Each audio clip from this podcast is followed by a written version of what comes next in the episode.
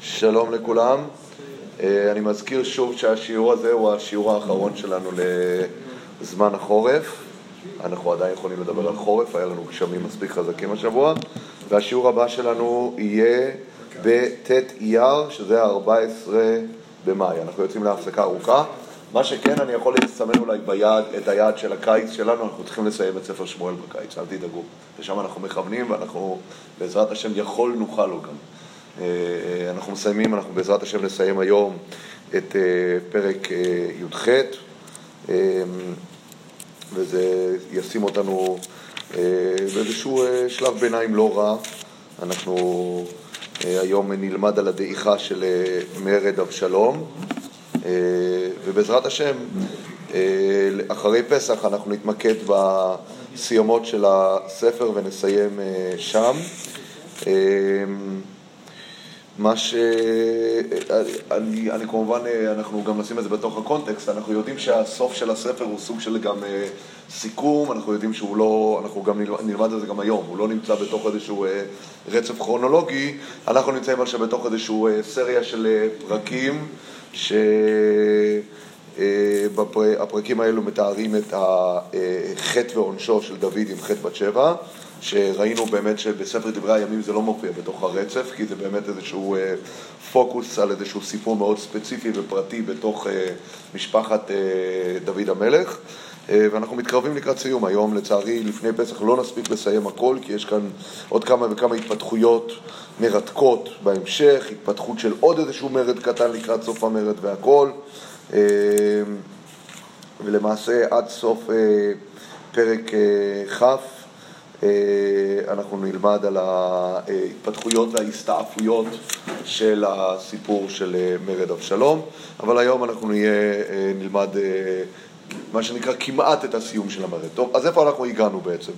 אנחנו סיימנו בפרק הקודם, בפרק י"ז, עם הוויכוח הגדול בין אה, חושי לבין אה, אחיתופל, כאשר אנחנו למדנו גם על הפערים בין חושי לבין אחיתופל מבחינת האישיות, מבחינת הפרזנטציה, איך הם מציגים את הפתרונות שלהם, איך להתמודד עם דוד המלך, כאשר אחיתופל מדבר על ניצול המומנטום וללכת ולרדוף אחרי דוד בכל הכוח ולנצל את חולשתו, וחושי מצליח לשכנע את אבשלום, ראינו את כל האמצעים הרטוריים שחושי משתמש בהם כדי לשכנע את אבשלום של להמתין, לחכות שכל העם ייאסף. בו בזמן אנחנו יודעים שדוד הצליח לסדר מראש רשת של ריגול שמורכבת מצדוק ואביתר הכהנים שנמצאים בירושלים, אחימץ ויונתן ביניהם, שהם יכולים להעביר את ההודעה למחנה אה, דוד, וזה אכן מה שקורה. הם מצליחים להעביר את ההודעה של חושי שעצתו התקבלה, למרות שעצתו של חושי התקבלה, הוא אה, יועץ, ובעצם הוא אומר לדוד, אל תסמכו על זה, כי הדברים כאן הם מאוד הפכפכים, ויכול להיות שברגע האחרון אבשלום כן יחליט בצורה פזיזה ללכת ולרדוף אחרי דוד, ולכן הוא אומר לו, לך תחצה את הירדן, ודוד לפני כן שהה, אמרנו, בערבות המדבר, שזה אמרנו, זה בבקעת הירדן, אבל זה בצד המערבי של הירדן, והוא בוחר לחצות וללכת אל עבר הירדן המזרחי. אנחנו יודעים, אגב, מסיפורים קודמים, עבר הירדן המזרחי תמיד היה מקום שזימן מרידות. אנחנו יודעים שמהרגע הראשון שעבר הירדן המזרחי הופך להיות נושא, עוד בימי יהושע, יש כאן שאלה מאוד גדולה, איך אפשר לשמור על שלטון אחיד בין שני גדות, שתי אגדות אה, של הירדן. אה, אנחנו יודעים ששתיים וחצי השבטים שהולכים לגור שם, הם מקימים מזבח כי הם מבינים שאין מה לעשות, הירדן יפריד ביני, ירדן בינינו וביניכם. הם יודעים שגם יום אחד יגידו להם שחס ושלום הם שייכים לעם אחר. אז יש את המתח הזה בין שני אגדות של הירדן, ואנחנו מכירים הרבה מרידות שמתחילות דווקא משם. אם זה דוד בעצמו כשהוא מרד, אנחנו יודעים לאן הוא בורח, הוא בורח לעבר הירדן המזרחי. אנחנו אה, אה, מכירים גם אה, במלחמות האחים שהיו בספר שופטים, גם גדעון וגם יפתח, כאשר הם צריכים להתמודד עם מלחמות אחים, זה מלחמות אחים שקשורות לשני גדות הירדן, כשגדעון מגיע שם למחניים וסוכות, הם לא משתפים איתו פעולה, יפתח גם סובל, יפתח הוא מגיע מהצד של עבר הירדן המזרחי, הוא צריך להתמודד עם מרד, איפה? אצל בני אפרים, בצד המערבי. אנחנו מכירים את זה שבאמת לבסס שליטה באופן רציף על שני גדות הירדן, משני הצדדים זה מאוד מאוד קשה, ולכן המקום הראשון שאנשים בורחים אליו הוא לשמה. אגב, למדנו גם בספר, שכאשר מפיבושת, הבן של יונתן, הבן של יהונתן, רוצה להסתתר, או לחלופין, איפה שציווה, העבד שלו רוצה להסתיר אותו ולהזניח אותו, שלא ישימו לב אליו, איפה הוא בוחר? הוא בוחר את הבית של מכיר בן עמיאל מלא דבר. לא דבר, אמרנו זה שם של מקום בעבר הירדן המזרחי. זאת אומרת, אנחנו מבינים שעבר הירדן המזרחי, בשפה שלנו היום היינו קוראים לזה מה? זה הפריפריה. זה הפריפריה, פריפרי זה המקום שרחוק, יש את, אה, יש את מה שקורה בצד הזה, יש את מה שקורה שם, זה קצת היום כמו לגור בדרום הרחוק או בצפון הרחוק, כשאנחנו מבינים שכשאתה גר בירושלים, תל אביב, או בין גדרה לחדרה, לחדרה מה שנקרא, שם זה אה, אה, מרכז העניינים האמיתי, ולכן גם פה בעצם דוד בוחר ללכת לשם ולהתרחק. אגב, אנחנו הדגשנו את זה בפעם הקודמת, כאשר אנחנו, אנחנו אה, אה, מבינים שבאותה תקופה באמת יש שלטון ישראלי, שלטון של עם ישראל על שני גדות הירדן, אבל תמיד, תמיד, תמיד היה פער של קדושה בין שתי המקומות. זאת אומרת, עבר הירדן המזרחי אף פעם לא הפך להיות בקדושת ארץ ישראל באותה רמה של עבר הירדן המערבי. זה לא התקדש באותה רמה, אנחנו יודעים שדוד המלך, כשהוא פוגש את שאול באחת מהבריחות שלו, אז ב- ב- אנחנו יודעים שהוא פוגש את שאול, ומה הוא מאשים את שאול? הוא אומר, בגללך, בגלל שאני צריך לברוח ממך, כי גירשוני היום מהסתפח בנחלת השם, לאמור לך עבוד אלוהים אחרים. זאת אומרת, הוא אומר, עצם זה שאני צריך ללכת ולגור בעבר הירדן המזרחי, אומר שאני כבר לא נמצא בנחלת השם. נחלת השם היא בעבר הירדן המערבי. אגב, הרמב"ן על התורה אומר, ב... אני לא זוכר איפה זה, שבית המקדש יכול להיבנות אך ורק בעבר הירדן המערבי. הוא מדגיש את זה. עבר הירדן המערבי הוא מקום הקדושה, קדושה יותר גבוהה מעבר הירדן המזרחי. וגם פה דוד בוחר ללכת לשמה.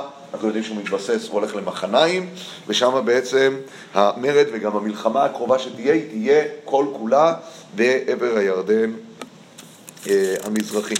אז עכשיו דוד בעצם מתארגן אה, למרד, כאשר אנחנו ראינו בסוף הפרק הקודם, יש לו כל מיני ידידים, דווקא ידידים שלא היינו מצפים שיעזרו לו, אמרנו לו, אמרנו בשיעור הקודם, ברזילי הגלעדי, ומכיר בן, אה, בן עמיאל, ושובי בן נחש מעמון, כולם עוזרים לו ומארחים אותו, ו...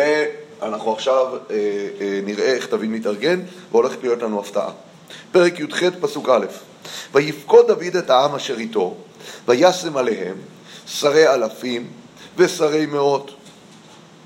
שרי אלפים, מאיפה יש פתאום אלפים? אנחנו קוראים, כשדוד בורח לירושלים, מי מגיע איתו? אנחנו יכולים לראות. 600 איש. 600 איש בורחים עם דוד בירושלים. דוד בורח יחף.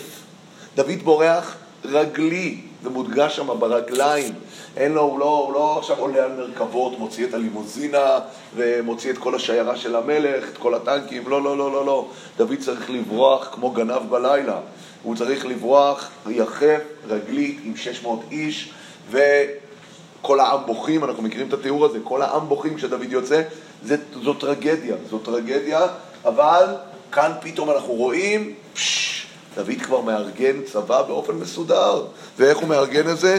הוא מארגן את זה, וישלח דוד את העם, השלישית ביד יואב, והשלישית ביד אבישי בן צרויה, אחי יואב, והשלישית ביד איתי הגיתי. זאת אומרת, הוא מחלק את הדבר הזה, יש לו כבר אסטרטגיה צבאית. אגב, האסטרטגיה הצבאית הזאת של לחלק לשלושה מח... אה, אה, אה, צדדים, לשלוש מחנות, זו אסטרטגיה התקפית, תמיד היא אסטרטגיה התקפית. איפה אנחנו מכירים את זה? איפה אנחנו מכירים חלוקה לשלוש, שהיא חלוקה שמבוססת על התקפה. אנחנו מכירים את זה בגדעון, כאשר גדעון הולך ותוקף את מחנה מדיין ובני קדם, הוא מחלק את זה לשל... לשלושה. שאול מול בני עמון ביבש גלעד, מחלק לשלוש. כשהפלישתים עצמם באים להילחם בשאול בפרק י"ד, בשמואל א', פרק י"ד, באותו, אה, אה, באותה מלחמה ששאול נשאר לבד עם 600 איש, מאוד דומה לכאורה למה שהיה לנו פה, המספר 600 הוא מספר שהרבה פעמים אנחנו פוגשים אותו, הוא סוג של מספר טיפולוגי. אנחנו יודעים שדוד בורח לעבר הירדן המזרחי משאול עם 600 איש. אנחנו יודעים ששאול, באותה מלחמה שבה הוא חוטא את החטא הראשון שלו, שהוא רואה את כל העם נפוץ מעליו, הוא נשאר עם 600 איש. מי מושיע אותו בסוף? יונתן. יונתן עולה ובוקע אה, לתוך המחנה שמה וכולי. אז שמה הפלישתים מתקיפים אותו בשלושה ראשים. אז המספר הזה של ה-600 תמיד מייצג איזשהו מיעוט, אבל פה פתאום דוד הוא כבר לא בעמדת מיעוט. איך אני יודע שהוא לא בעמדת מיעוט? יכול להיות שהוא בעמדת מיעוט אה, באופן מספרי אובייקטיבי, אבל הוא בעמדת כוח פה. כי אני רואה שהוא לוקח ומחלק לשלושה, יש לו כבר אלפים. אלפים! מאיפה יש לדוד אלפים? אנחנו יודעים שהוא ברח עם 600 איש. זה כבר מספר לנו שיש כאן שינוי מאוד משמעותי שקורה מהשלב שבו דוד ברח מירושלים, מסכן, חלוש, יחף, ברגליו, עם 600 איש, מהכרתי והפליטי, זאת אומרת ממש המעגל הכי קרוב ומצומצם שקרוב אליו, לבין מה שקורה עכשיו, שפתאום יש כאן, ואנחנו נראה שיש לנו אולי אפילו רמז מה המספר של החיילים המדויק שיש לדוד, כן. איך יודעים שזה היה, אולי שרי אלפים, זה דרגה לא, לא, בוא נראה, בוא נראה, אנחנו יכולים לראות. קודם כל, שרי אלפים זה מישהו שאחראי על אלפים. זאת אומרת, יכול להיות שזה כמו שם של תואר של הרמטכ"ל, סגן אלוף וזה, אולי, אבל אני חושב, אנחנו נראה לזה עוד רמז עוד שנייה. כי אם נראה, שימו לב מה הדבר הבא. ויאמר המלך אל העם, יצא אצא גם אני עמכם. זאת אומרת, אנחנו יוצאים לקרב, המלך יוצא. ויאמר העם לא תצא, כי אם נוס ננוס, לא ישימו אלינו לב. ואם ימותו חציינו, לא ישימו אלינו לב, כי אתה כמונו עשרה אלפים. ואתה, טוב כי תהיה לנו מעיר לעזור. זאת אומרת, מה, מה הם אומרים לו? הם אומרים לו, אם אנחנו נמות וננוס, מקסימום יגידו, ולכן אמרתי זה רמז, זה לא מפורש, עשר אלף איש, עשר אלף איש שבו נפלו. אבל זה, כל העשר אלף איש האלה, הם לא עומדים כנגד מלך, מלך אחד. זה בעצם אומרים, ולכן אנחנו, הם אומרים חציינו זה כעשר אלף איש. אז אני אומר, יכול להיות שיש כאן רמז שהכמות של האנשים שנמצאים פה עם דוד זה עשרים אלף. אנחנו נמצא לזה עוד רמז בהמשך. אמרתי, לא כתוב במפורש. חד וחלק זה לא כתוב במפורש, אבל אני חושב שהרמז הזה, אני כבר יכול לספר לכם הרמז, שאחר כך, כאשר המחנה של דוד ינצח, אנחנו נראה שכמה אנשים ממחנה אבשלום ימותו? עשרים אלף. אז אם אתה מחבר כאן את כל החלקים, אז אתה, אתה, אתה יכול, יכול לראות שהפרק הזה בכל מקרה מרמז לך בכמה מקומות, שיש כאן כמה אלפים טובים עם דוד, שחצי מה, מהכמות זה עשר אלף, אז כנראה שיש לו עשרים אלף איתו, והכמות שנופלת בצד השני של אבשלום זה קצת מה שנקרא זה כנגד זה, נופלים גם בצד השני, נופלים עשרים אלף, כאשר הצד של דוד המלך הוא הצד המנצח, אז אפשר לנחש, אמרתי, שיש כאן באמת כמות גדולה של אנשים.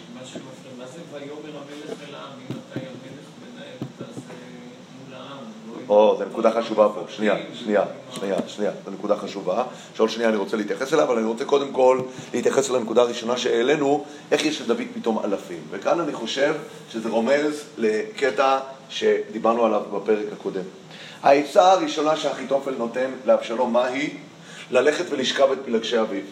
אנחנו דיברנו על זה, שכאשר אחיתופל אומר לו לעשות את זה, דייקנו. איך זה, איך זה עובד? איך זה עובד? הוא אומר לו, אחיתופל אומר לאבשלום, בוא אל פלגשי אביך אשר הניח לשמור הבית, ושמע כל ישראל כי נבאשת את אביך. מה קורה בפועל? ויתו לאבשלום אוהל על הגג, ויבוא אבשלום את פלגשי אביו לעיני כל ישראל. דייקנו. כשאחיתופל מייעץ, הוא אומר, תעשה זה באופן שישמעו. אבשלום עושה זה בצורה גסה. הוא עושה זה לעיני כל ישראל. אז יש כאן משהו מאוד פרובוקטיבי, שיכול להיות שזה לכשעצמו כבר מזמן את זה שעם ישראל אומר, רגע, רגע, רגע, רגע, מה קורה פה? מה קורה פה? אנחנו חשבנו שיש כאן בחירות, בני גנץ, ביבי נתניהו, חילופי שלטון, איזה תהליך סטרילי, פתאום, מה זו הזוועה הזאת שאנחנו רואים מול עינינו? אז זה דבר אחד שצריך לשים לב. יש כאן עוד דבר שיכול להיות שקורה בינתיים, שהוא זה שמסמן קצת את עיבוד המומנטום של אבשלום. ומה זה? וזה חלק, אגב, מהעצה של חושי, העצה המבריקה של חושי. רגע, תמתין. הרי חושי הבין שבאותו רגע שהוא יוצא באופן מיידי לרדוף אחרי דוד, הוא ניסה על מה? על גל האהדה הראשוני. מה שנקרא, אנחנו מכירים את זה עוד פעם מהשפה שלנו, סקר הבחירות הראשון אחרי מפץ פוליטי, נכון? איך נראה סקר בחירות אחרי מפץ פוליטי ראשון? וואו, עלייה, 40 מנדטים לכחול לבן, בסדר. אומר חושי, רגע, בוא נעכב, בוא ננשום עמוק ונחכה שזה יעבור את ההייפ הראשוני ואז נראה מה קורה. ובאמת, הביטוי של זה שדוד בהתחלה נשאר עם 600 איש, זה באמת מראה אבשלום על הגובה ודוד במצב הכי נמוך שלו. אבל כעת המצב מתחיל להתאזן. המצב מתחיל להתאזן, זה אומר שכבר דוד מצליח להחזיר עליו חלק מהעם. יש כאן עוד נתון על פי הפשט מאוד משמעותי. בין שני הדברים האלה קורה דבר חשוב מאוד. אחיתופל מתאבד. אחיתופל מתאבד, העם שומע על זה, העם מבין את זה, והעם אומר, וואו, אם הדמות הכי חזקה שהייתה בצד של אבשלום כבר לא מאמינה שיש לו עתיד, משהו כאן כנראה לא עובד טוב. ומיד מה שקורה, יש זליגה לכיוון של דוד המלך, והכף מתחילה טיפה להתאזן. עכשיו, אה, אנחנו רואים, וכנראה, וזה חלק ממה שגורם גם לדוד, כמו שאמרנו, לחלק את הצבא לשלושה אה, ראשים, זה מהלך התקפי, זה לא מהלך הגנתי. דוד כבר לא איזשהו פיוג'יטיב, הוא לא נמלט שבורח מירושלים, הוא הופך עכשיו להיות מתקיף, ובן אדם שמתקיף, יש לו אסטרטגיה של התקפה, שאמרנו החלוקה לשלושה ראשים, היא באופן מובהק בתנ"ך תמיד אסטרטגיה התקפית, ולכן דוד מרגיש שהמומנטום כבר חוזר אליו, והוא הולך אה, להתקיף. אבל מה שקורה, וכאן זו נקודה שהעלית קודם, תמיד יש, צריך לדעת שיש את הספק הגדול, איפה המקום של מנהיג בשדה הקרב. אנחנו יודעים להגיד פרעה, דוגמה שעוד מעט אנחנו בשביל של פסח זה, ויאסור את רכבו ואת עמו לקח עמו, הוא הולך ישר קדימה. יש איזשהו משהו מאוד משמעותי ומנהיגותי במצב הזה, שמה? שהמנהיג הולך קדימה. כשמשה רבנו מבקש מנהיג שיחליף את מי? שיחליף אותו, איך הוא מבטא את זה? יפקוד השם אלוהי ריחות איש על העדה אשר יצא לפניהם ויבוא לפניהם. זה אומר שהתפקיד של מנהיג הוא להיות לפני העם, להוביל אותם. וכשמנהיג נשאר מאחורה, זה תמיד סימן של חולשה. אגב, אני חושב ש... שזה דבר ידוע, שאחד מהדוקטוריניות המשמעותיות של צה"ל זה תמיד שהקצינים פורצים קדימה, לכן לצערנו תמיד הם סופגים, האבדות הכבדות הן תמיד באחוזים ניכרים דווקא אצל קצינים, אצל טובי, טובי, טובי הבחורים, כי האתוס הצבאי הצה"לי זה שהקצין פורץ קדימה. וזה אקט של אה, מנהיגות אמיתית, המנהיג הולך בראש העם. אבל תשימו לב דבר מרתק, שהדילמה הזאת היא, איפה המנהיג צריך להיות, היא כבר בולטת בפרק הקודם. כי בפרק הקודם, אם נשים לב, יש שתי עצות. יש את העצה של האחיתופל מול העצה של חושי. ובעצה של האחיתופל, מה אחיתופל אומר כל הזמן? אומר, אני אלך, אני ארדוף, אני אעשה, אני אעשה, אני אעשה. ואיפה אבשלום? אבשלום אומר לאבשלום, אתה תישאר בבית. אני אעשה את העבודה. שימו לב מה חושי אומר לעומת זאת. חושי אומר משהו הפוך לגמרי בעצה שלו. חושי אומר משהו אחר. חושי אומר, כי יעצתי, האסוף יאסף עליך כל ישראל מדן ועד באר שבע, ככל אשר על הים לרוב, ופניך הולכים בקרב. הוא מדגיש לו, אמרנו, זה היה אחד מהאמצעים הרטוריים שלו. אחד מהאמצעים הרטוריים שלו היו קודם כל, אחיתופל הוא גאוותן, הוא כל הזמן מדבר על עצמו, אמרנו, יש, לו, יש שם אה, אה, איזה שש ביטויים. ויאמר אחיתופל אל אבשלום, אבחרה נא אלה 12 אה, איש, ועקומה, וארדפה, ואבוא עליו, והוא יגע, והחרדתי אותו, והכיתי את המלך לבדו, ואשיבה את כל העם אליך. זאת אומרת, הוא אומר לו, אני אעשה את הכל, אתה תשב פה בבירה. כאשר חושי אומר לו, לא, לא, לא, לא, לא, לא, הוא מחזק אצלו את הגאווה. אומר אבשלום, מה פתאום, אתה מלך, אתה מנהיג, אתה יוצא בראש כולם. ואכן אגב, וזה הולך להיות ההמשך הטרגי של הפרק שלנו, אבשלום מקשיב להצעת חושי לא רק ברמת הקונספט לחכות ולעשות את זה לאט, אלא הוא באמת יוצא לקרב עם כולם. כשהוא יוצא לקרב עם כולם אנחנו יודעים איך הוא, איך, הוא, איך הוא ימות בסופו של דבר. אז הדילמה הזאת עם מה המקום של המלך בתוך הקרב היא דילמה מאוד משמעותית שמבטאת מנהיגות. אגב, אנחנו נלמד בעוד כמה פרקים שאני, אפשר לפתוח בפרק כ"א בפסוק ט"ו, בואו תראו, שאצל דוד גם יש את הדילמה הזאת, פרק כ"א פסוק ט"ו.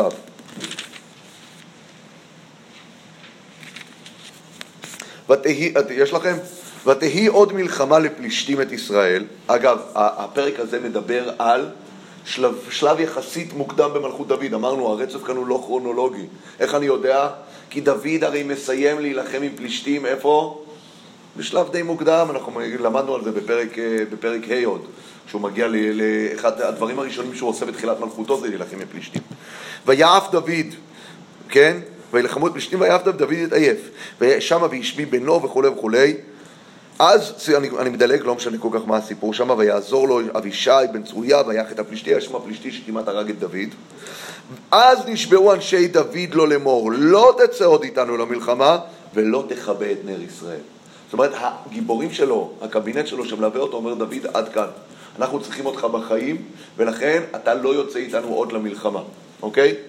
שזה אגב, זה יהיה מאוד מעניין לנסות לעשות איזשהו סדר בכל המלחמות של דוד ולהבין מתי הוא יוצא ומתי לא. כי לדוגמה, אנחנו יודעים שבמלחמת עמון יש מלחמה אחת שהוא שולח את מי? את אבישי ואת יואב להילחם שמה בקרב, ומה למדנו שהם הסתבכו? נכון? הם הסתבכו בעור שיניהם, הם נחלצו כי הם היו מול ארם, הם היו, סליחה, תקועים מקדימה ומאחורה, נכון? עשו להם אמבוש. ואז אנחנו יודעים שהם נמלטים וחוזרים לירושלים. ואז מה קורה? דוד חוזר לקרב, ככה כתוב שם בפסוקים במנצח. זאת אומרת, הפסוקים שם בעצמם כן נותנים לנו את ההבחנה שעמדנו עליה, ש, ש, שיש פער עצום האם דוד נמצא בקרב ומוביל את הקרב או יושב בירושלים ושולח פקודות. אמרנו שזה חלק מהרקע המשמעותי לחטא דוד ובת שבע, שדוד יושב בירושלים ויש קרב שמתנהל בעבר הירדן המזרחי, כמו שתיארנו, רחוק, רחוק מהעין, רחוק מהלב. הוא שלח כל מיני שליחים ופקודות ליואב, והוא לא מנהל את העסק מקרוב. אז אנחנו מכירים את המתח הזה, האם מלך צריך להיות בתוך הקרב ולהוביל את כולם, או שמא לשבת, מה שנקרא, בבור, בקריה, ולעקוב אחרי המסכים, ולשלוח אה, פקודות אה, לשדה הקרב. זו שאלה גדולה, אבל פה, פה דוד מדגיש שהוא כן רוצה לצאת לקרב הזה, להיות בראש אה, האנשים. למה? למה? זה כבר קשור, אנחנו נראה לציווי הבא של מה שקורה, מה שאומר דוד. מה זה? או שהוא למד מהכישלון ורצה, אני חושב שיש כאן גם עוד נקודה מאוד חשובה. כי הם עכשיו בעצם אומרים לו, לא, לא, לא, לא, תישאר בעיר, זה עדיף לנו. ויאמר עליהם המלך, שימו לב, פסוק ד', אשר ייטב בעיניכם אעשה. ויעמוד המלך אל יד השער, וכל העם יצאו למאות ולאלפים. סליחה שלא עניתי לך, תשובה הרבה יותר פשוטה, אני הסתבכתי להסביר לך מי אמר ולא אמר, כתוב כאן, העם יצא למאות ולאלפים, שכחתי. למאות ולאלפים. ויצב המלך את יואב ואת אבישי ואת איתי לאמור, לאט לי לנער לאבשלום. וכל העם שמעו בצוות המלך את כל השרים על דבר אבשלום. מה קורה פה? כאן אנחנו מזהים שאחד מהחששות הכי גדולים, וזה חולשה, צריך לדעת, זה חולשה שיש לדוד, שלמרות כל מה שקרה עם אבשלום, הוא עדיין רוצה לחוס ולרחם עליו. ואז דוד, כאשר יש כאן שאלה גדולה, שעוסקת בשאלה הלאומית, בשאלה של מה יקרה למלכות ישראל, ומה דוד עוסק עכשיו בשאלה, מה יקרה עם הבן שלו, נכון?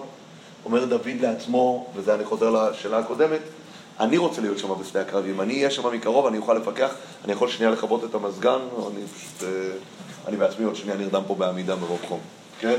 אני רק לוחש. אולי אם יהיה כאן נדליק איזה שוב.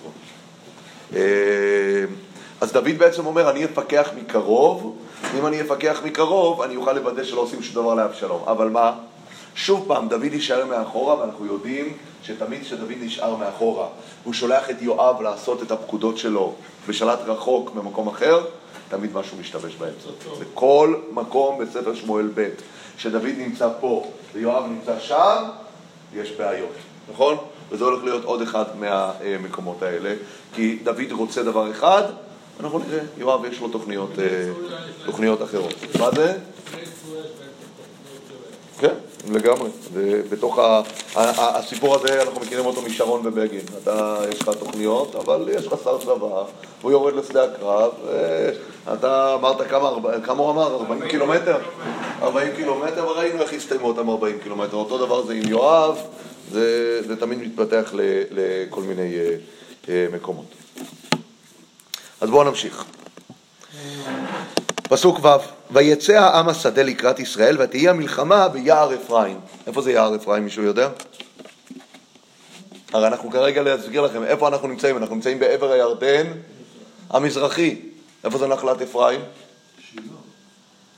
נחלת אפרים זה בעבר הירדן המערבי, שילה, נכון? אמרת, כל האזור שם. איך, איך הגענו ליער אפרים פתאום? אז כנראה, וזה, כל המפרשים מפרשים פה מאוד, מאוד מסתבכים, אבל אנחנו מצאנו לזה גם תימוכין בזמנו בספר שופטים, שהיה נוכחות של בני אפרים בעבר הירדן המזרחי. אנחנו מכירים את זה מהסיפור של יפתח. יפתח מדבר על בני אפרים, יש לו שם טוענה כלפי בני אפרים שגרים בעבר הירדן המזרחי. הייתה כנראה איזושהי פלישה של בני אפרים לאזור שם. אם אתם רוצים שנייה למצוא את זה, אז אני יכול להראות לכם. שופטים בפרקים של יפתח, שנייה אחת. הנה. אנחנו, אני שופטים בפרק י"ב, בפסוק ד'.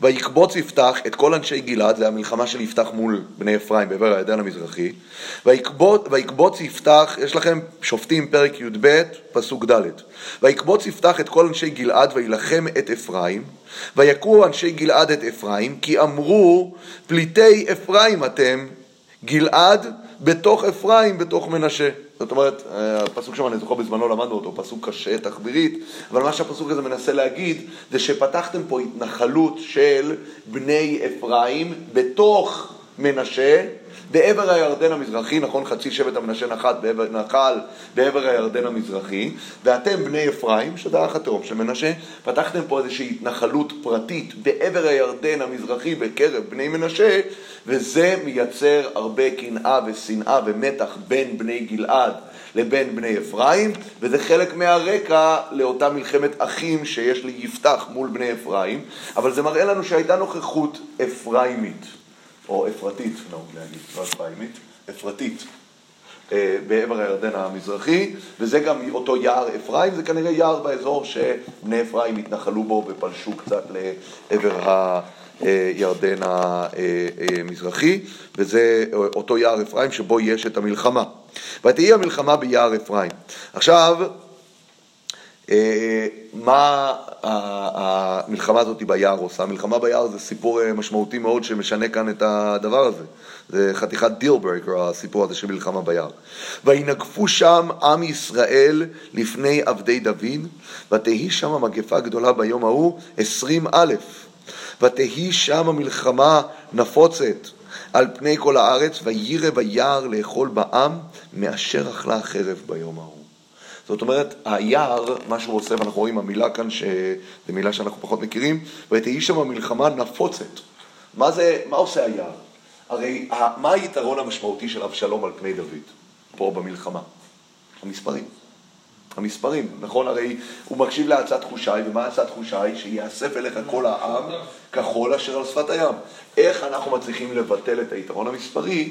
על ידי שהם נפוצים. כשהמלחמה היא ביער, הרבה יותר קשה לשלוט ולרכז את האנשים, ואנשים נפרדים זה מזה ונאבדים ביער, ואז גיבורי דוד, המנוסים, מכים אותם פשוט אחד-אחד, ויש לנו כאן מה שנקרא תוספת ניסית לכאורה. זה לא, ניס, זה לא נס מעל הטבע, אבל כביכול, הקדוש ברוך הוא מתערב פה, והיער אוכל בהם. מה הכוונה היער אוכל בהם? איך יער אוכל? מה? איך יער אוכל? משתפכים ונאבדים וזה, אבל כאן זה נראה שזה בא להגיד שמעבר למה שהם הורגים... מה? יפה, חיות. יש חיות ביער. אתה לבד ביער, יער זה מקום מסוכן, יש שם חיות. שם החיות טורפות, דובים, אריות, נמרים, אני יודע מה, זה, ו- ו- ו- ו- ו- וגם נכנסים כאן אה, אה, לתמונה. שזה אה, מאוד ככה מזכיר לנו את, המלחמה של יהושע בן נון, נכון? שמתחילים לרדוף אחריהם, ועד השם ממטיר עליהם אבנים מהשמיים. אז אמנם אני אומר, זה לא איזושהי אה, מלחמה ניסית כמו שיש שם במורד אה, אה, אה, בית חורון, אבל יש כאן אה, איזושהי אה, אה, אה, השתתפות אה, אה, כלשהי כנראה. כן. התערותא דלילה כלשהי, איזשהו אה, אה, סימן. אנחנו רואים את זה אגב, אה, ההתערותא דלילה ממשיכה, כי בסופו של דבר אנחנו נקרא, נלמד עוד רגע על הצורה איך שאבשלום מת. גם הצורה איך שאבשלום מת היא, היא קצת, מה שנקרא, יוצאת דופן. לא, זה לא מקרה, הצורה איך שהם תופסים את, אה, את אבשלום. זה לא, זה לא מתוכנן, אה, וזה מאוד משמעותי בסיום המרד. המרד. בואו נראה. ויקרא אבשלום, מה זה ויקרא? במקרה, נכון? במקרה. ויקרא אבשלום לפני עבדי דוד, ואבשלום רוכב על הפרד. למה הוא רוכב על פרד? כי פרד הייתה מה שנקרא הלימוזינה המלכותית, נכון? אנחנו יודעים בני מלך, רוכבים על פרדים תמיד, פרד הייתה אה, אה, בהמת האצולה. אז הוא רוכב על פרד, שאגב זה מלמד אותנו שעל סוס הוא לא רכב שם. זאת אומרת, הוא, לא, הוא, היה, הוא היה שם יותר במעמד ייצוגי סמלי. פרד לא, הוא לא אה, אה, בהמת מלחמה. הסוס, הסוס היא חיה עוצמתית, הפרד הוא חיה עוצמתית יותר מסוס. אבל היא לא למלחמה. לא. פרד זה לא למלחמה לכאורה. סוס זה למלחמה. זה יציב, זה, זה סוחב טוב, זה איטי, זה בקצב הנכון, זה לא, זה, לא, זה לא סוס. זאת אומרת שהוא נמצא שם באיזשהו מעמד ייצוגי, סמלי, המלך איתכם, נכון? אבל כמו שכולם נאבדים בתוך היער, גם אבשלום נאבד בתוך היער. ומה קורה? ואבשלום רוכב על הפרד, ויבוא הפרד תחת סובך האלה הגדולה, ויחזק ראשו באלה, ויותן בין השמיים ובין הארץ, והפרד אשר תחתיו עבר. איזה, איזה, איזה ציור, אה, אה, לא, לא שייך לתאר את זה יותר טוב. אותו אבשלום שאנחנו יודעים שהפאר שלו, מה זה? זה השיער שלו. השיער של אבשלום זה הפאר, הפסוק מתאר לנו שכשהוא הולך, המשקל של השיער שהוא צריך ללכת ובאמת לתת. הוא היה לו כל ההדר, מחלפות ראשו. בתנ"ך בכלל צריך לדעת ששיער, יש בו איזשהו ביטוי של הדר, תמיד, נכון? כאשר אנחנו מדברים, אנחנו יודעים שגם נזיר וגם אה, אה, כהן גדול, כשאנחנו מדברים על הדר, אז יש נזרו, הנזר שלו, נזיר זה לא מלשון שהוא מזיר את עצמו, שהוא מתנזר, אלא זה גם מלשון נזר, נזר, נכון? נזרו. השיער שלו זה נזר שלו. זה שיער מסודר וזה שיער אחר. לא, אבל השיער באיזשהו מקום מבטא, זה סוג של הדר אה, אצילי כזה, שזה מה שרואים אצל, אה, גם אצל אבשלום, אבל נזיר אנחנו יודעים שהרבה מהאיסורים בפרשת נזיר שאנחנו מכירים, הם מזכירים איסורי כהונה בגלל זה, כי יש נזר השם עליו. זה אותם, ממש אותם, אותם ביטויים בדיוק כמו שיש בכהן גדול. אם אתם רוצים לראות שנייה, אם אתם מתעקשים, אתם יכולים להסתכל בפנים. אף פעם לא מזיק להסתכל בפנים, נכון? איזה פרשה זה נזיר? פרשת נשוא, נכון? יכולים לראות. רגע.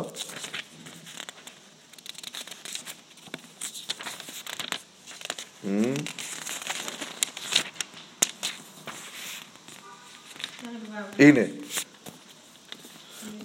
נכון?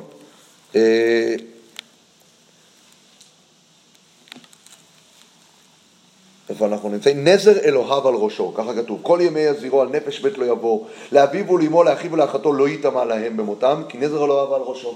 ממש כמו שכתוב על כהן, נכון? לאביו ולאמו לא ייטמע וכולי, כי נזר משחת השם אלוקיו עליו, וכולי. זה, זה כמעט אחד לאחד אותם, אותם ביטויים. יש לו נזר על הראש. אז אבשלום, יש לו את ההדר ואת הנזר על הראש, ואותו הדר זה כנראה חלק ממה שמפתח את האגו ואת התודעה העצמית. מה? יפה. מאוד מאוד דומה לשמשון.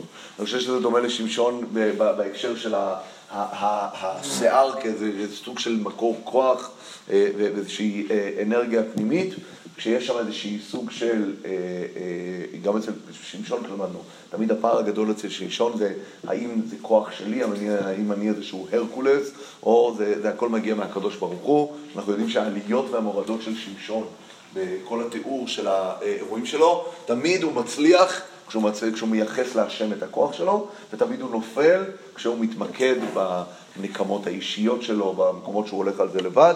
וגם אה, אבשלום אנחנו אה, רואים נופל בדיוק אה, באותו צורה, כאשר, אגב, אחד מהדברים הטראגיים שאנחנו נראה, שמשון בסופו של דבר מצליח לעשות מה שנקרא grand finale אה, גדול, נכון? במותו הרג יותר מאשר וכולי, כאשר אבשלום מת, הוא גורם למוות איום ונורא של מה? של 20 אלף איש ממי? מבני ישראל. הוא מוביל למרד שגורם למוות של 20 אלף איש מבני ישראל, וכשהוא מת הוא גם נופל עם השיער שלו. אה, זה, זה, מאוד, זה מאוד מעניין, הרבה מהסיפורים המפותלים של אבשלום גם מגיעים בעקבות אה, מאורעות עם נשים. זה מתחיל מחטא בת שבע, עובר דרך אה, אה, אמנון אה, ותמר, עובר דרך שכיבת פילגשי אביו. יש הרבה מוטיבים מאוד מאוד דומים בין אה, אבשלום לשמשון, אה, בהחלט, שכאן אנחנו רואים איך שזה מגיע לסוף הטרגי הזה, שמאוד מאוד שונה אה, בין שתיהם, אבל בהחלט אני חושב שיש יש המון, אה, המון דברים אה, אה, מקבילים. ואגב, הביטוי, אני חושב שהפרד אשר תחתיו עבר, הוא באמת אה, חלק מהנקודה הזאת, שבעצם אמרנו, הפרדה, הפרד מבטא מה? את המלכות. הפרד מבטא את המלכות, המלכות עוזבת אותך, אבשלום, אתה נשאר תלוי. תרתי משמע, רק בשיער שלך. כשאתה נשאר תלוי רק בשיער שלך, תראה איך אתה מתנדנד בין שמיים וארץ, כבר אין לך שום דבר ל- ל- לאחוז בו. אתה פשוט אה, ככה, תלוי בין שמיים וארץ. מה זה? כן? איבדת הכל. איבדת הכל, נכון, נכון. אגב, ראיתי, מישהו, דיברתי על זה, מישהו אמר לי שזה מע- זה מעניין. בפסוק לא כתוב שהשיער תפס אותו. איפה? לא כתוב שזה השיער. אנחנו מדמיינים איך השיער האדיר שלו מסתבך בתוך הענפים והוא נשאר שם... כתוב שהראש, נכון? ויחזק ראשו באלה. אבל זה, זה מסתבר. מה זה יחזק ראשו? כן, כן, מזלג שתפס אותו. לא יודע. נכון. מה? אולי חוץ מהשיער לא היה הרבה יותר. יכול להיות, אני אומר, סתם, זה, זה, מבחינת הפשט זה, זה נכון אה, לשים לב אה, אה, לנקודה הזאת. עכשיו, בוא נמשיך. וירא איש אחד, ויגד ליואב, ויאמר, הנה ראיתי את אבשלום תלוי באלה. ויאמר יואב לאיש המגיד לו, והנה ראית? ומדוע לא הכיתו שם ארצה? ועלי לתת לך עשרה כסף וחגורה אחת. מה הכוונה? דוד מצווה, אל תיגעו באבשלום. אנחנו רואים שליואב יצאה פקודה נגדית. יואב אומר, לא רק שתיגעו בו, אני נותן פרס למי שיכה את אבשלום. מה אנחנו רואים פה? זה דבר מעניין. שיואב מבין שכל עוד אבשלום חי, הרבה אנשים מעם ישראל ימשיכו למות. יואב כאן דואג לכלל ישראל. ובאיזשהו מקום זה שוב פעם איזושהי אה, אה, דמות ניגודית לדוד, כי דוד, שהוא מבקש לאט לי לנער אבשלום, באיזשהו מקום יש כאן בקשה שהיא טיפה אגואיסטית. כי אין כזה דבר. אם אנחנו ננסה להגן על אבשלום, זה יעלה במחיר של הרבה הרבה אנשים מעם ישראל. ויואב אומר, עם כל הכבוד, דוד המלך, כלל ישראל יותר חשוב עכשיו מאבשלום, וכרגע אנחנו צריכים להתרומם מעל השיקולים האישיים ולהיות בשאלה הלאומית, ובשאלה הלאומית חייבים כאן לסיים את המדע הזה כמה שיותר מהר, כי באותה מידה, אגב, שגם חושי וגם אחיתופל מדגישים לאבשלום, שכשאתה תצא אחרי דוד, המטרה שלך היא להכות את דוד לבדו. נכון? רק את דוד, לעשות, דיברנו, סיכול ממוקד, אבל גם יואב יודע, גם יואב חכם, אנחנו כבר מקבלים כאן את האדם השלישי, שאומר שהדבר הנכון הוא דווקא ההפך ממה שדוד אומר. זה להכות אך ורק את יואב לבדו, ובככה לעצור את המלחמה כמה שיותר מהר. את אבשלום. את אבשלום כמה שיותר מהר, ובכך אה, לעצור את המלחמה. אז כאן מה הוא אומר לאיש? הוא אומר, אם היית הורג אותו, היית מקבל אפילו פרס. ויאמר האיש של יואב, ולו אנוכי שוקל על כפיי אלף כסף, לא אשלח ידי אל בן המלך, כי באוזנינו ציווה המלך אותך ואת אבישי ואת איתי לאמור, שמרו מי בנער אבשלום. זה קצת גם ביטוי קצת מוזר, מה זה שמרו מי? אבל מי, מי, מי שלא יהיה, זה הכוונה כנראה, מי שלא יהיה, תשמרו לא לגעת באבשלום. כן? מה זה? כן. אגב, שמת לב דבר מעניין, מה זה נער אבשלום? מה זה נער? בן כמה הוא? הוא הבן שלו. אז יפה, הוא קורא לו נער.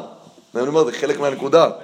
החלק, החלק מהנקודה ש, ש, שדוד, זה לא הדגשנו את זה בציווי, דוד אומר להם, לאט לי לנער אבשלום. אבשלום הוא לא נער. אמרנו, יש שתי סיבות במקרא למה לקרוא לבן אדם נער. או בגלל שהוא צעיר, או בגלל שהוא משרת. אוקיי? יהושע, נכון, נער. אז אני אומר, או בגלל שהוא משרת. יצחק היה בן שלושים. נכון, אז אני אומר, יש נער. פה, יש נער, הכוונה היא, מש, נער זה או משרת, או באמת צעיר. צעיר הכוונה היא שהוא סמוך על שולחן אביו. בשני המקרים זה מישהו שהוא לא עצמאי, נכון? הוא מישהו שכפוף למישהו אחר.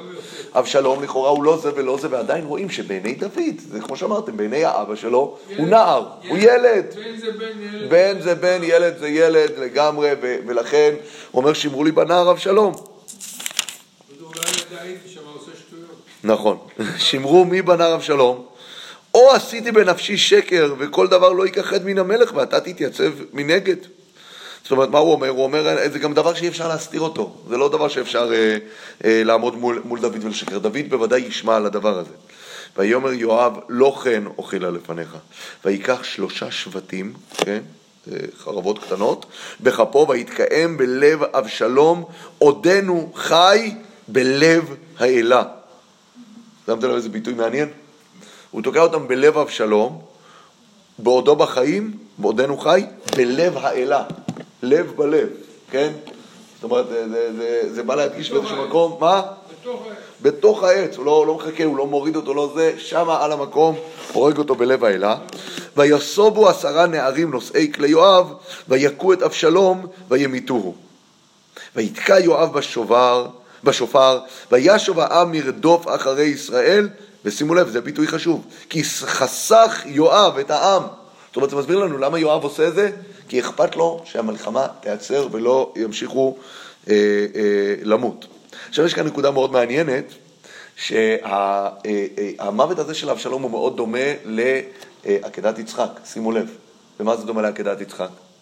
לשתיהם יש אבא שהבן שלו הולך למות, נכון? בשתיהם אנחנו רואים שמי שמת בסוף, מה, איך, איך הוא מת? בגלל שהוא הסתבך בתוך העץ, נכון? והנה איל אחר נאחז בסבך וקרנב. אבשלום הוא זה שנאחז נאחז, אה, בסבך. אגב, אנחנו נראה בפרק הבא, אחת מהקינות של דוד זה, שהוא אומר, מי ייתן מותי תחתיך, אבשלום בני. זאת אומרת, גם כאן מוצעת איזה סוג של החלפה. דוד היה מעדיף למות במקום בנו, ככה הוא אומר בפירוש. אומר בתחילת הפרק הבא, מי ייתן מותי אני תחתיך, אבשלום בני בני, כן? אז זה אה, אה, אה, אה, דבר מעניין. אה, וכאשר הקדוש ברוך הוא מתאר מה אה, אברה- אברהם עושה, הוא אומר לו, כי לא חסכת את בנך, את יחידך ממני, נכון? כאן, לכאורה, מה, קורה הדבר ההפוך. אנחנו נראה שכל הדימויים האלה שעשינו לכאורה זה תמיד דבר והיפוכו. כי מה קורה? אבשלום מגיע לו למות, ודוד מנסה לחוס עליו, נכון? יצחק לא מגיע לו למות, ואברהם מקבל את מצוות קונו והולך מה? להרוג את בנו. זאת אומרת, זה בדיוק דבר והיפוכו. אבשלום, יש את כל הסיבות שיגיע לו למות, הוא מורד במלכות, הוא שכב מפלגשי אביו, הוא בן סורר ומורה, הוא לכאורה כל הדברים האלה מתקיימים בו, כן? ומגיע לו למות, ואבא שלו נאבק כדי שהוא לא ימות, ואצל אברהם אבינו בדיוק להפך. אנחנו יודעים שאברהם אבינו, כתוב שם, כי לא חסכת את בנך את יחידך ממני, ואילו כאן זה בדיוק הפוך. דוד המלך לכאורה מוכן להקריב אלפים מעם ישראל בשביל מה לעשות? בשביל להציל את מי? את אבשלום, ההפך הגמור. שם אנחנו רואים שבסופו של דבר נוצרת ההחלפה, ובסוף איל יהיה במקום הבן שלו, כאן אבשלום הוא האיל. הוא זה שהולך בסופו של דבר לעלות על המוקד. מה? כתוב כי חסך יואב גם. נכון, חסך יואב זה אומר שדוד לא חסך.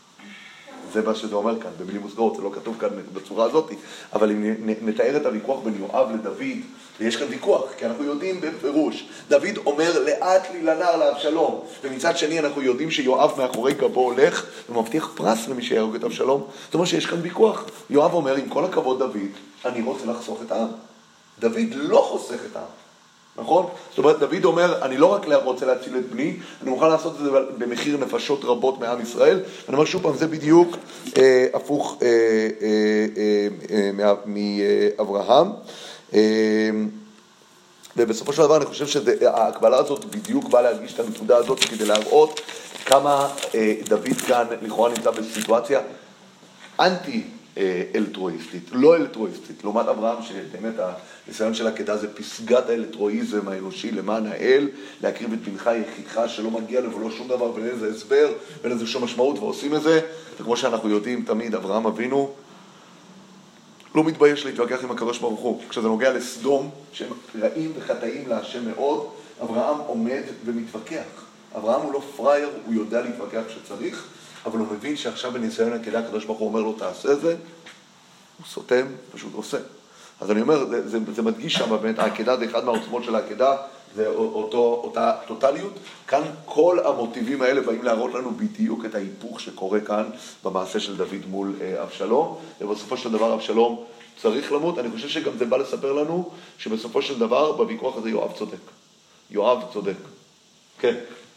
בפסוק ה' באמת היה צריך להיות ויצב דוד את יואב נו. לאבשלום. כתוב שם את שלושתם הוא מצווה.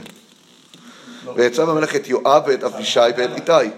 הוא עושה את זה כמלך ולא כאבא. יפה מאוד, זה קשור למה שדייקנו בזמנו. כן. ויצב המלך, אני חושב שהוא מצווה להם כאבא.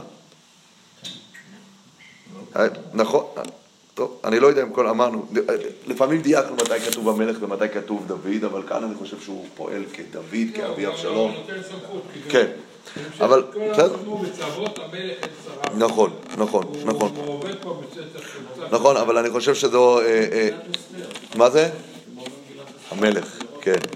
נכון, נכון. אה, אגב, אנחנו רואים איך יואב הולך והורג את, אבשלום, אנחנו למדים גם מהאופן שלו, שזה גם, גם בזה יש הרבה חוכמה. הרי מה הוא עושה? הוא בהתחלה תוקע אה, אה, אה, בשלושה שבטים בעודו חי, אבל הוא עדיין חי. זאת אומרת, הוא יודע לתת לו מכה שלא תהרוג אותו, ואז מה קורה? ויסובו הנערים. ואז מה קורה פה? הילדים עשו אנחנו כבר לא יודעים מי הרג.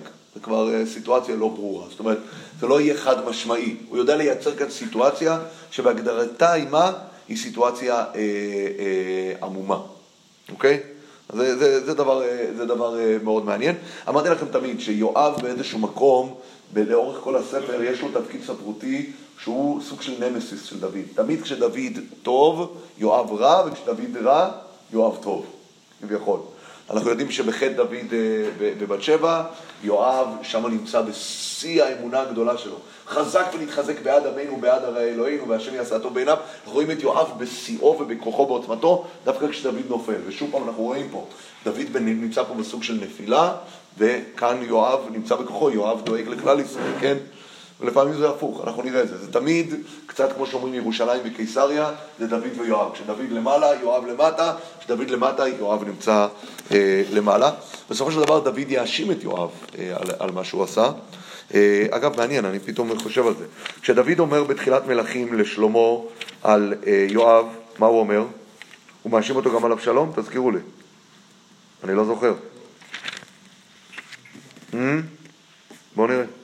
ואתה ידעת את אשר עשה, לא, וגם אתה ידעת את אשר עשה לי יואב בן צרויה, אני קורא בפרק ב' פסוק ה' במלכים, לשני שרי צבאות ישראל לאבנר בן נר ולמסע בן יתר, ויהרגם וישם בני מלחמה בשלום. שימו לב, דוד לא מזכיר את אבשלום. הוא לא מזכיר את אבשלום. זאת אומרת שבסוף חייו דוד מבין למפרע שמה שיואב עשה עם אבשלום היה הדבר הנכון. איפה יואב לא היה בסדר? אנחנו עדיין לא למדנו. הוא רוצח את אבנר בן נר, שם הוא לא בסדר, והוא רוצח את אה, המסע בן יתר. בשני המקרים האלה הוא לא נוהג בסדר. אבל דוד לא מאשים את יואב על רצח אבשלום. מה שמספר לנו שלמפרע גם דוד הודה והבין שזה היה דבר נכון. אנחנו נראה את זה למעשה גם בפרק הבא, שנלמד עוד... אה, עוד אה, אחרי פסח, שכשדוד יושב ומתאבל על בנו, יואב בעצם תופס את דוד ומנער אותו ואומר לו, זה לא הזמן להתאבל על הבן שלך. אני מבין את הכאב שלך, אבל עכשיו אתה צריך לצאת מול העם ולשמוח שניצחנו את המלחמה. ודוד מקשיב לו, ועושה את זה. ובאיזשהו מקום, אתם, את, זה, זה מאוד מעניין, יש שם איזה סוג של אה, אה, אה, אה, חילופי תפקידים מהסיפור עם אבנר, אבנר בן נר, אבל אנחנו נלמד את זה כשנגיע לזה. ממש אה, חילופי תפקידים. אבל, מה? מלכים, מלכים ב', כן, כ"ח כן, כתוב השמוע בעד יואב, יואב נטע אחרי אדוניה ואחרי אבשלום לא נטע. ואחרי אבשלום לא נתן, נכון? נכון. עכשיו, אתם צריכים לדעת, עוד אחד מהנקודות שצריך לשים לב אליהן, שאני אומר, שלכאורה יואב בקטע של אבשלום היה די אובייקטיבי, למה? כי הרי אנחנו יודעים שבתחילת הסיפור, מי שמסייע לאבשלום לחזור לירושלים, ואחרי שהוא חוזר לירושלים, הוא מסייע לו לא רק לחזור לירושלים, אלא לחזור ולראות את פני המלך דוד, זה אבשלום, זה יואב. יואב הוא זה שעוזר לאבשלום. זאת אומרת שבתחילת דרכו, יואב כן מאמין באבשלום. יואב כן מאמין שלמרות שאבשלום הלך ורצח את אחיו אמנון, ונקם בו על האונס של תמר, מגיע לו לחזור לירושלים, מגיע לו להיות בירושלים, הרי אבשלום יושב בירושלים ועדיין דוד לא רואה אותו, אבשלום דואג ש... לשרוף לו את השדה, נכון? לשרוף לו את השדה, ואז יואב גם דואג להחזיר אותו לבית המלך. את כל המשחק הזה של האישה התקועית, נכון? שמגיעה ומציגה למלך דוד את אותו סיפור עם הבנים שלה, יואב יוזם את זה. אז אי אפשר להגיד על יואב שהיה לו כאן אינטרס נגד אבשלום, ההפך, כאן יואב מתגלה בגדולתו, היה לו אינטרס למען מלכות דוד ולמען כלל ישראל, ובניגוד, מה שנקרא, בניגוד למה שהוא סבר בהתחלה שאבשלום אכן הולך להיות יורש העצר הראוי והאמיתי, כאן אנחנו רואים שהוא מתייצב לצד, בצד האובייקטיבי של העניין. בואו בוא נראה מה קורה בסוף. מה קורה? ויקחו את אבשלום, זה פסוק י"ז, וישליכו אותו ביער אל הפחת הגדול, ויציבו עליו גל אבנים. פחת זה, מה זה? מקום מבוזה, נכון? זה מקום שיש בו כל מיני שאריות של אה, גוויות ונבלות, זה פח. אל הפחת הגדול, ויציבו עליו גל אבנים גדול מאוד, וכל ישראל נסו איש לאוהלו. זאת אומרת, לא רק שהוא מת באופן, באופן מבוזה, הוא גם נקבר באופן מבוזה. מי אנחנו מכירים שנקבר באותו אופן תחת גל אבנים? מי? החאן. החאן נקבר תחת גל אבנים. אצל החאן כתוב גל אבנים, אבל אצל אבשלום זה גל אבנים גדול. אגב, החאן זה גל אבנים, זה כי סקלו אותו גם, נכון? אבל, אה, אבל פה זה ממש סוג של אה, סקילה לאחר המוות, זה, זה קבורה, קבורה מבוזה, ביער, כמו, כמו איזה חיה ביער. כן. עכשיו שימו לב דבר מעניין. וכל ישראל איש נסו איש לא עלו, אנחנו נראה אחר כך מה קורה עם כל ישראל, אבל עם ישראל באמת ברגע, יואב צדק, ברגע שאבשלום מת, המרד נגדע וכולם נעלמים, ואבשלום לקח ויצב לו בחייו את מצבת אשר בעמק המלך, כי אמר אין לי בן, בעבור אזכיר את שמי, ויקרא לה מצבת על שמו, ויקרא לה, ויקרא לה יד אבשלום עד היום הזה. שזה אגב זה לא יד אבשלום של ימינו, אנחנו יודעים את זה. נכון, יש לנו כאן מדריכת תלגים יכולה להגיד. זה מהתקופה, זה מהמאה הראשונה לספירה, יד, יד אבשלום, שנמצא פה ב, אה, בצלע של הר הזיתים שם, ליד אה, קבר בני חזיר וכולי, והכל. כל הקברים שם אגב, יש שם כל מיני קברים שמיוחסים, אבל הם לא, הם לא, מבחינה, זה לא עומד מה שנקרא במבחן הארכיאולוגי, אבל, אבל מה שמעניין שיש כל מיני אגדות ירושלמיות שנקשרו במבנה שם של יד אבשלום, שכן היו קשורות איכשהו זה היה קשור לאבשלום. יש, אה, אני, אני קראתי דווקא מאוד מעניין, באחד מהכתבים של הראשונים, שהוא מתאר שבירושלים כשהיה ילד, אה, שוב, ילדים שובבים, היו לוקחים אותם לשם, והיו אומרים להם, זה מה שקורה לילד שלא מקשיב לאבא שלו. כן. איפה כנראה? בוויקיפדיה ראיתי על ילד אבשלום. כן. כן. באמת היה שם גל אבנים שניקו אותו. יש גל אבנים, גם היו זורקים על זה, כן, כן, כן, אבל תכנסו, תיכנסו בוויקיפדיה ליד אבשלום, אתם תראו שהיה גם אחד מהנוודים היהודיים שהגיע במאה ה-14 לירושלים, מתאר שכשילד לא היה מתנהג טוב, היו לוקחים אותו לשם, ליד אבשלום. מעניין. אבל אמרנו, זה לא, זה לא מיוחס, יכול להיות שזה היה באזור לא רחוק משם, בכתבי יוסף בן מתתיהו כן מתואר איזשהו מרחק קצר מירושלים שהיה את המקום הידוע שקוראים לו יד אבשלום, אבל זה לא מתייחס למבנה הזה. מה? מן הסתם, שוב, מה שנקרא היום יד אבשלום זה באמת לא מתאים מבחינת התקופה, אבל עמק המלך זה שם. כן, כן, כן, זה בסדר, זה שם, אני רק אומר ספציפית, המבנה הזה, יכול להיות שבנו אותו ליד, לא יודע, זה לא מסורת מבוססת מספיק, אבל כן. שם. כן, כן, כן, בהחלט. נכון, הקבר, אבשלום קבור בעבר הירדן. פה זה לא... שם זה האנדרטה, זה המונומנט, יד. זה מה שהוא בנה לעצמו בעודו בחיים. נכון. לא. נכון, נכון, זה לא קבר, זה לא קבר. אגב, המושג של יד כמונומנט זה גם אה, שאול, כתוב הנה מציב לו יד. מציב לו יד. יש מושג של... אה, אבשלום לקח, לקח מה? מה לקח? אבשלום לקח. ויצב לו בחייבת. מה הוא לקח? לקח ויצב לו, נראה לי... לקח כמה אבנים. מה שנקרא, ארגן את העניין, אני לא יודע מבחינת אה, עברית, כן? לקח הכוונה ארגן, ויקח קורח. לא, אצל יעקב כתוב בזה, ויקח. כן. נכון, לא, אבל אני אומר, לא תמיד הביטוי ויקח הוא- הוא הוא פיזי. ויקח. כוח בין יצהר ובין קהת ועולם מבלט. לקח הכוונה היא אה, ארגן, יזם, פעל. כן, אבל אצל יעקב בחלום. כן, כן, שם כתוב לקח אבנים, כן. נכון. ויקח ויצב, מצב, את ויקח, ואבשלום לקח ויצב לו בחייו את מצבת, כן, את ה- את ה- את המצבה. מה זה? אה, יפה. דיברנו על זה גם אז וגם עכשיו. אמרנו שכנראה, זו סתירה. יש כאלה סתירה מאוד ברורה. כנראה שיש כאלה שאומרים שאו שהבנים שלו מתו, בשלב מוקדם מאוד בחייו, או שלא לא היה לו בנים ראויים, מה שנקרא. הוא לא ראה בבנים שיהיו ראויים להמשיך, ככה חז"ל אומרים, אבל זה, יש... מופיע שיש לו בנים? ב- ב- בפרק, בתחילת המרד. בתחילת המרד, בפרק... אה. מה? כן, כן, הנה. פרק, תראי, פרק י"ד, פסוק אה, כ"ז. ויוולדו לאבשלום שלושה בנים ובת אחת ושמה תמר, היא הייתה אישה יפת מראה. אבל זה כנראה בשלב מוקדם, יכול להיות שבניו מתו. זה שילדים מתים בתקופה ההיא זה... כתוב אין לו בן. נכון. אגב, יש לו בת אחת שאנחנו יודעים שדיברנו על זה, שהיא שרדה. מעכה בת אבישלום שהתחתנה בסוף עם, אה, עם רחבעם או עם עשה. שעבר. כן. עכשיו. מה זה? אולי הם נהרגו לא, כאן כתוב שהוא מראש הציב, הוא ידע שהם הם כבר, הם כבר היו מתים עוד מראש, הציב לו בחייו כתוב.